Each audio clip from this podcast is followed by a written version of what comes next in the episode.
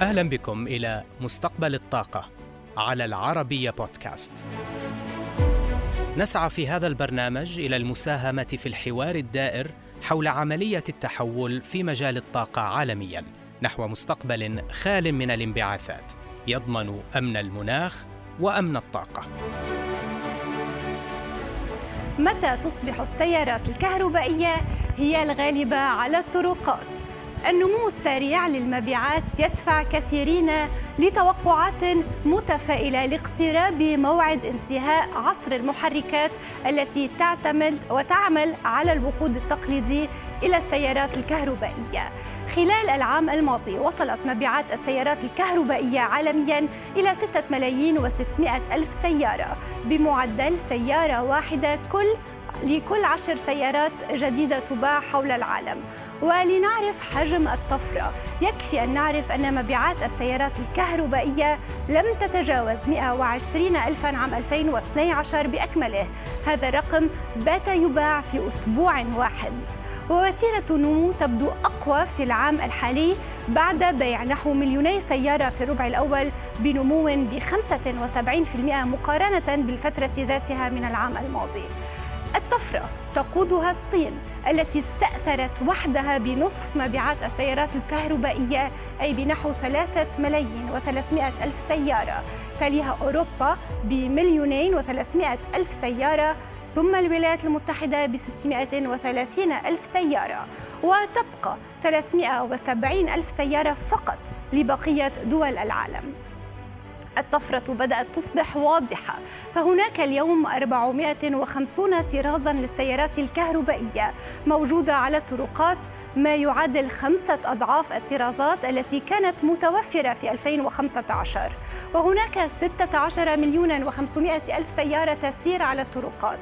رقم يفوق بثلاثة أضعاف ما كان عليه في 2018 عوامل عديدة تساهم في الطفرة.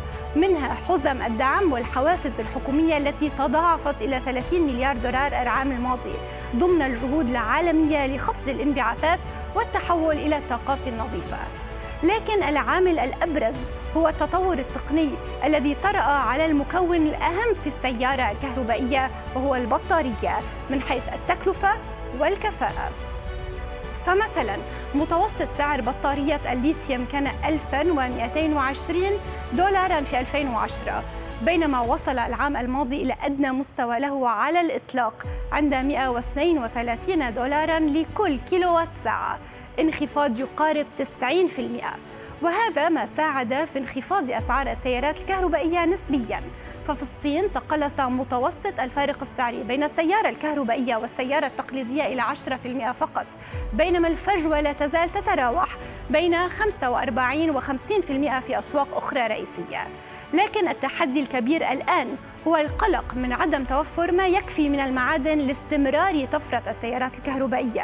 فأسعار الليثيوم هيدروكسيد قفزت بنحو 750% عما كانت عليه قبل عامين فيما قفزت أسعار النيكل بأكثر من 100% وأسعار الكوبلت بأكثر من 150% هذا الارتفاع في أسعار المواد الأولية يرسم علامات استفهام حول ما إذا كانت إمدادات المواد الأساسية كافية لاستمرار إنتاج السيارات الكهربائية والنمو بالوتيرة ذاتها.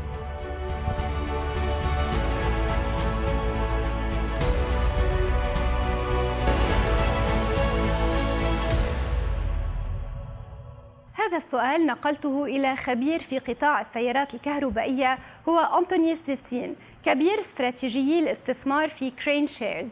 ساسين قلل من أهمية نقص المعادن وارتفاع أسعارها على مصنعي السيارات الكهربائية على المدى الطويل حيث أن معظمها اشترى واستحوذ على مناجم لإنتاج هذه المعادن سابقا.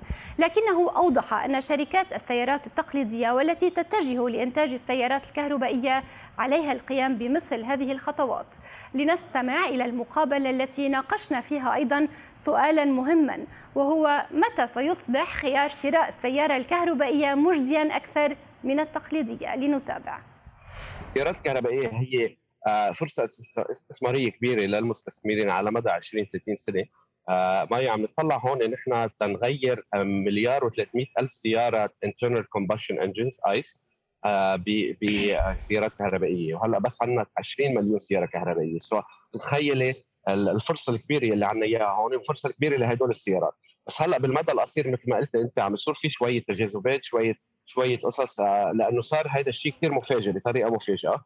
so بالنسبة بالإضافة للي عم نشوفه آه، بالتضخم آه، بالمعادن عم نشوف كمان تضخم بال بال بالأكل وبال oil prices مثل ما قلتي بس بس بالنسبة للسيارات الكهربائية هيدا ما لازم يأثر كثير لأنه هدول الشركات صار لهم كذا سنة عم عم عم يتحضروا لهالشيء وإذا بتشوفي بالإعلان بتشوفي تسلا و BYD و CATL كل هدول الشركات اللي صار لهم كذا آه، سنة بهذا المجال عم يشتروا آه، عم يشتروا معادن مناجم آه، بأفريقيا بتشيلي وين ما كان بالعالم وهلأ صار عندهم إذا بدك reserve مهم وكمان إذا اضطروا يعلوا شوي الأسعار مثل ما عملوا قبل الطلب كثير قوي المستثمر المستهلك عم عم عم عم ابزورب هذه هيدي الأسعار الاعلى هلأ المشاكل الاكثر بتشوفيها هي مع مع شرك السيارات التقليدية لأنه هدول الشرك بعد ما تحضروا مزبوط فهن عم يصير عندهم رح يصير نتوقع مشاكل أكثر شوي معهم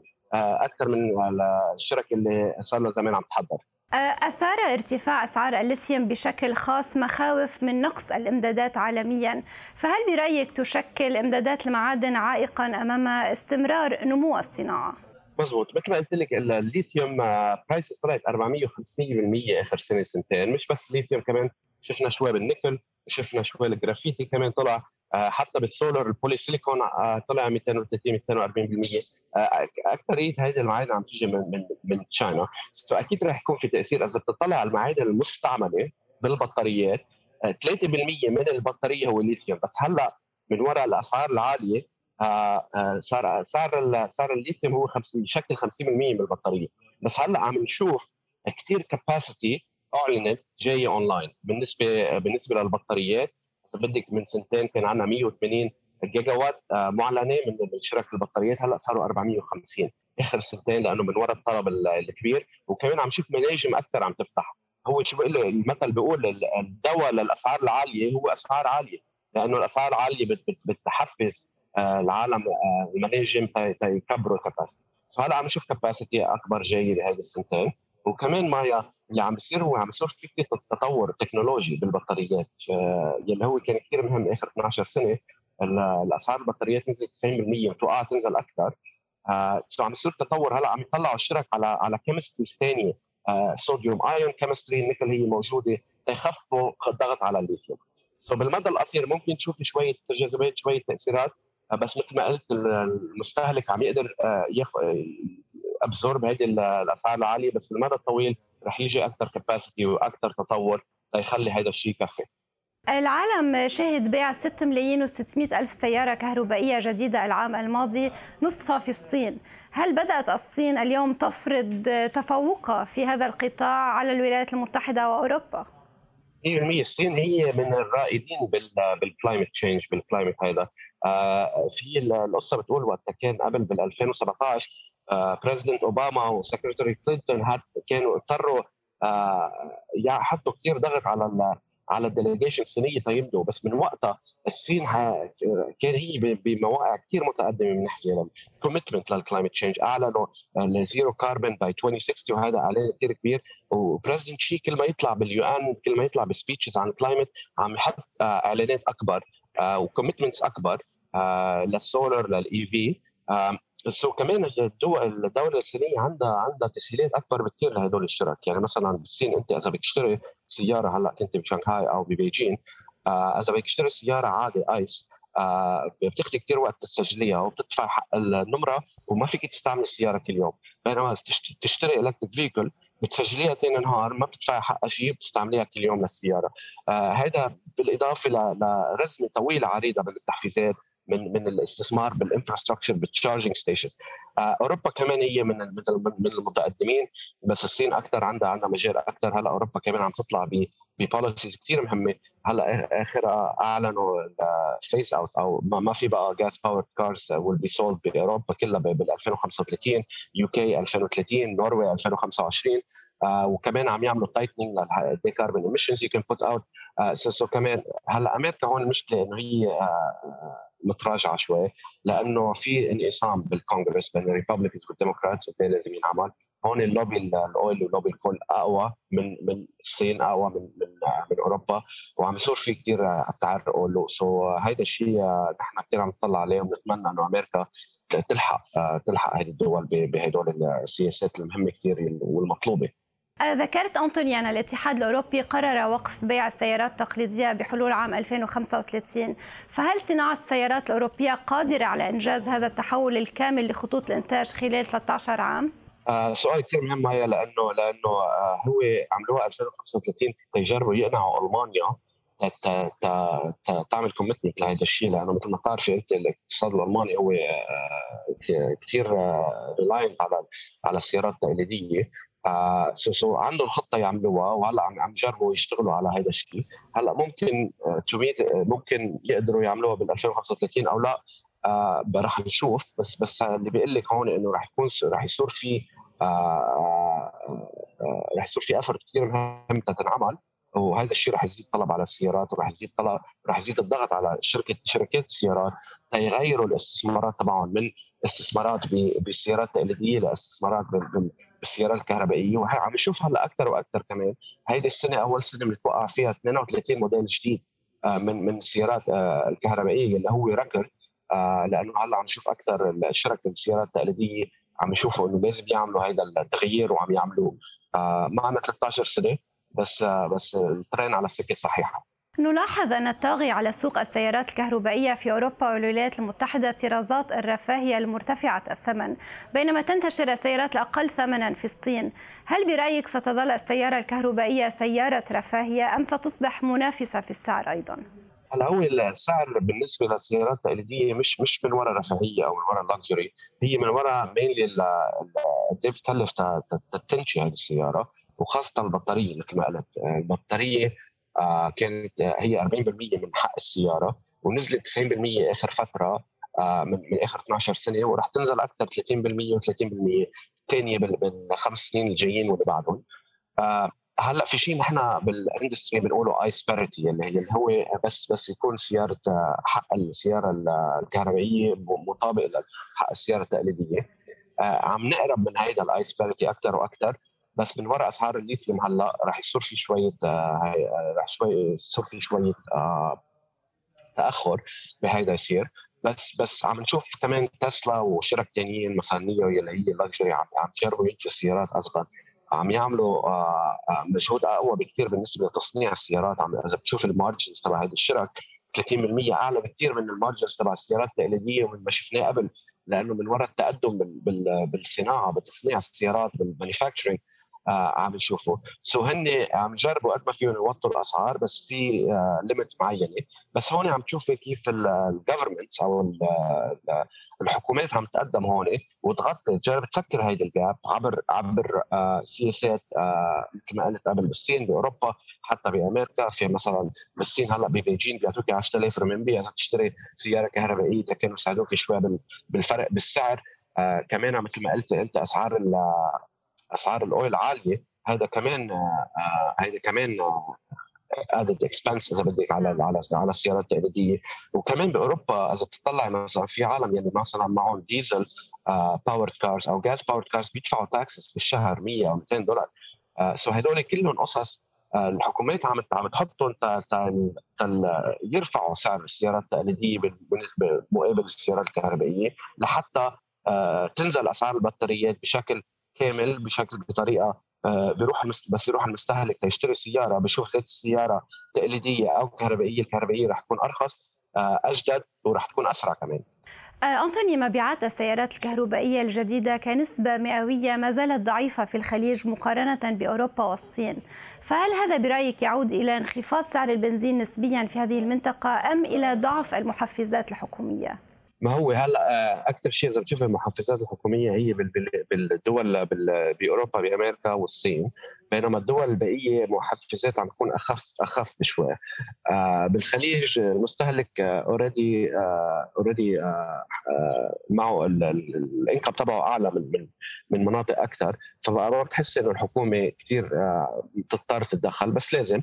so هيدا آه آه هلأ كل ما تشوفي أسعار النفط تعلى وكل ما تشوفي آه يصير عندك موديلات أكثر كل ما تشوفي المستهلك يصير بده يشتريها أكثر آه so آه بتوقع تقدم كبير عالميا بهيدا بهيدا بهذا المجال. مثل ما قلت أنت هذيك السنة كان في 6.5 6.6 مليون سيارة كهربائية انباعوا من أصل 75 أو 80 آه آه السنة الجاية متوقعين 10.6 10.7 آه مليون آه سيارة بس اكثريتهم بأوروبا. آه وبالصين. ومثل ما حكينا من شوي إنه آه لحظة اللي بتصير ال ICE parity لحظة بنحقق ال ICE parity والسياره الكهربائية بصير بنفس سعر السيارة التقليدية هون رح تشوف ال mass adoption تطلع بشكل كثير قوي آه، وتشوف السيارات المبيعات السيارات الكهربائية تطلع بشكل كثير قوي. خاصة مقابل السيارات التقليدية السعودية لديها خطة لإنشاء ثلاثة مصانع للسيارات الكهربائية وقد وضعت بالفعل يعني حجر الأساس لمصنع لوسيد قرب جدة. هل لدى السعودية برأيك المقومات لإنشاء صناعة سيارات كهربائية قادرة على المنافسة؟ أكيد أكيد. آه كل بلد عنده مقومات وخاصة بلد مثل السعودية يلي هو عنده عنده resources كثير قوية وعنده آه القدرة وال عنده القدره وال willingness انه يعملوها. آه أنا عم شوف تقدم كثير كبير بالسعودية بالإمارات بقطر آه من ناحية من ناحية السياسات آه المحفزة آه لكل شيء مهم حتى ال climate عم نشوف مثلا هلأ السعودية عم تستثمر كثير بالهيدروجين آه عم عم تعزم لوسيد وتفتح شركة سيارات كهربائية هونيك. آه السعودية مصرة تكون لاعب كثير قوي بهذا المجال حتى كمان بالإمارات.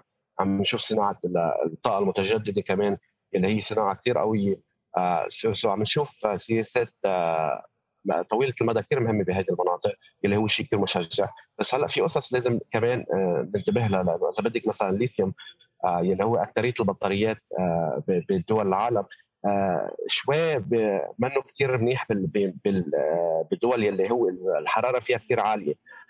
so بتحب إذا بدك. so بالسعودية والدول الإمارات لازم يلاقوا حل ثاني ب chemistry ثانية من ناحية للبطاريات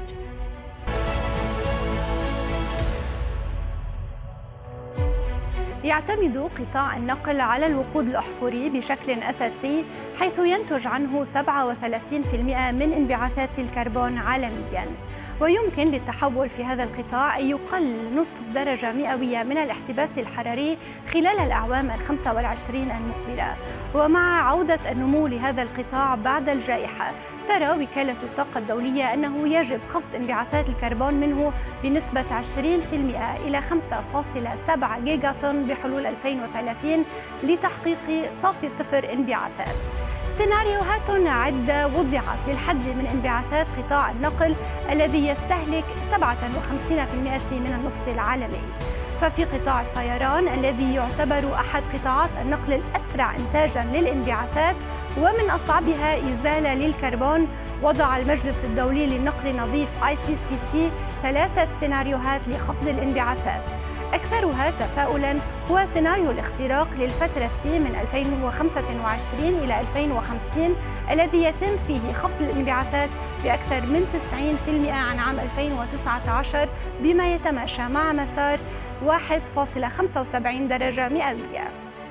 شركات الطيران الأعضاء في الاتحاد الدولي للنقل الجوي آياتا أعلنت بدورها في أكتوبر الماضي عن الالتزام بتحقيق صفر انبعاثات بحلول 2050 خصوصا مع توقعات أن يتجاوز عدد المسافرين عشرة مليارات شخص في الفترة ذاتها وتعتمد الاستراتيجية وفقا للسيناريو المحتمل على خفض 65% من الانبعاثات بالاعتماد على الوقود المستدام و19% من خلال التعويضات والتقاط الكربون و13% بالتقنيات الحديثة مثل الطائرات الكهربائية والأخرى العاملة بالهيدروجين التي قد تدخل الخدمة في 2035 وأخيرا 3% على البنية التحتية والعمليات. وذلك يعني الاعتماد الأكبر على الوقود المستدام حيث قدرت أياتا حاجة قطاع الطيران لاستثمار نحو تريليون و400 مليار دولار للوقود المستدام حتى 2050 من أصل تريليوني دولار للوصول إلى صافي صفر انبعاثات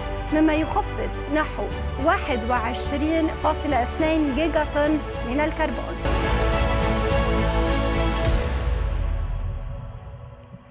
من الطيران إلى النقل البحري الذي يشكل 11% من انبعاثات قطاع النقل وما لا يتم اتخاذ إجراءات للحد منها من المتوقع أن تتضاعف هذه النسبة بحلول 2050 فالتجارة العالمية تعتمد بشكل أساسي على النقل البحري حيث أن 90% من البضائع تنقل عبر 50 ألف سفينة تجارية. وعلى سبيل المثال تستهلك السفينة التي تعمل على محركي ديزل 100 طن من الوقود يوميا. ولك أن تتخيل ما تنتجه من انبعاثات. في 2018 وضعت المنظمة البحرية الدولية هدفا لخفض الانبعاثات ب 50% بحلول 2050 ولتحقيق ذلك وضع المجلس الدولي للنقل النظيف ICCT عدة نقاط. هي سير السفن بسرعات أقل لتوفير الوقود وتحسين الخدمات اللوجستية لتقليل التأخر في الموانئ وإدخال التعديلات على كفاءة السفن واستخدام السفن الهجينة والكهربائية وتعزيز استخدام الوقود المستدام. بهذا نصل إلى نهاية حلقتنا لهذا الأسبوع. نلقاكم الأسبوع المقبل في حلقة جديدة من مستقبل الطاقة على العربية بودكاست.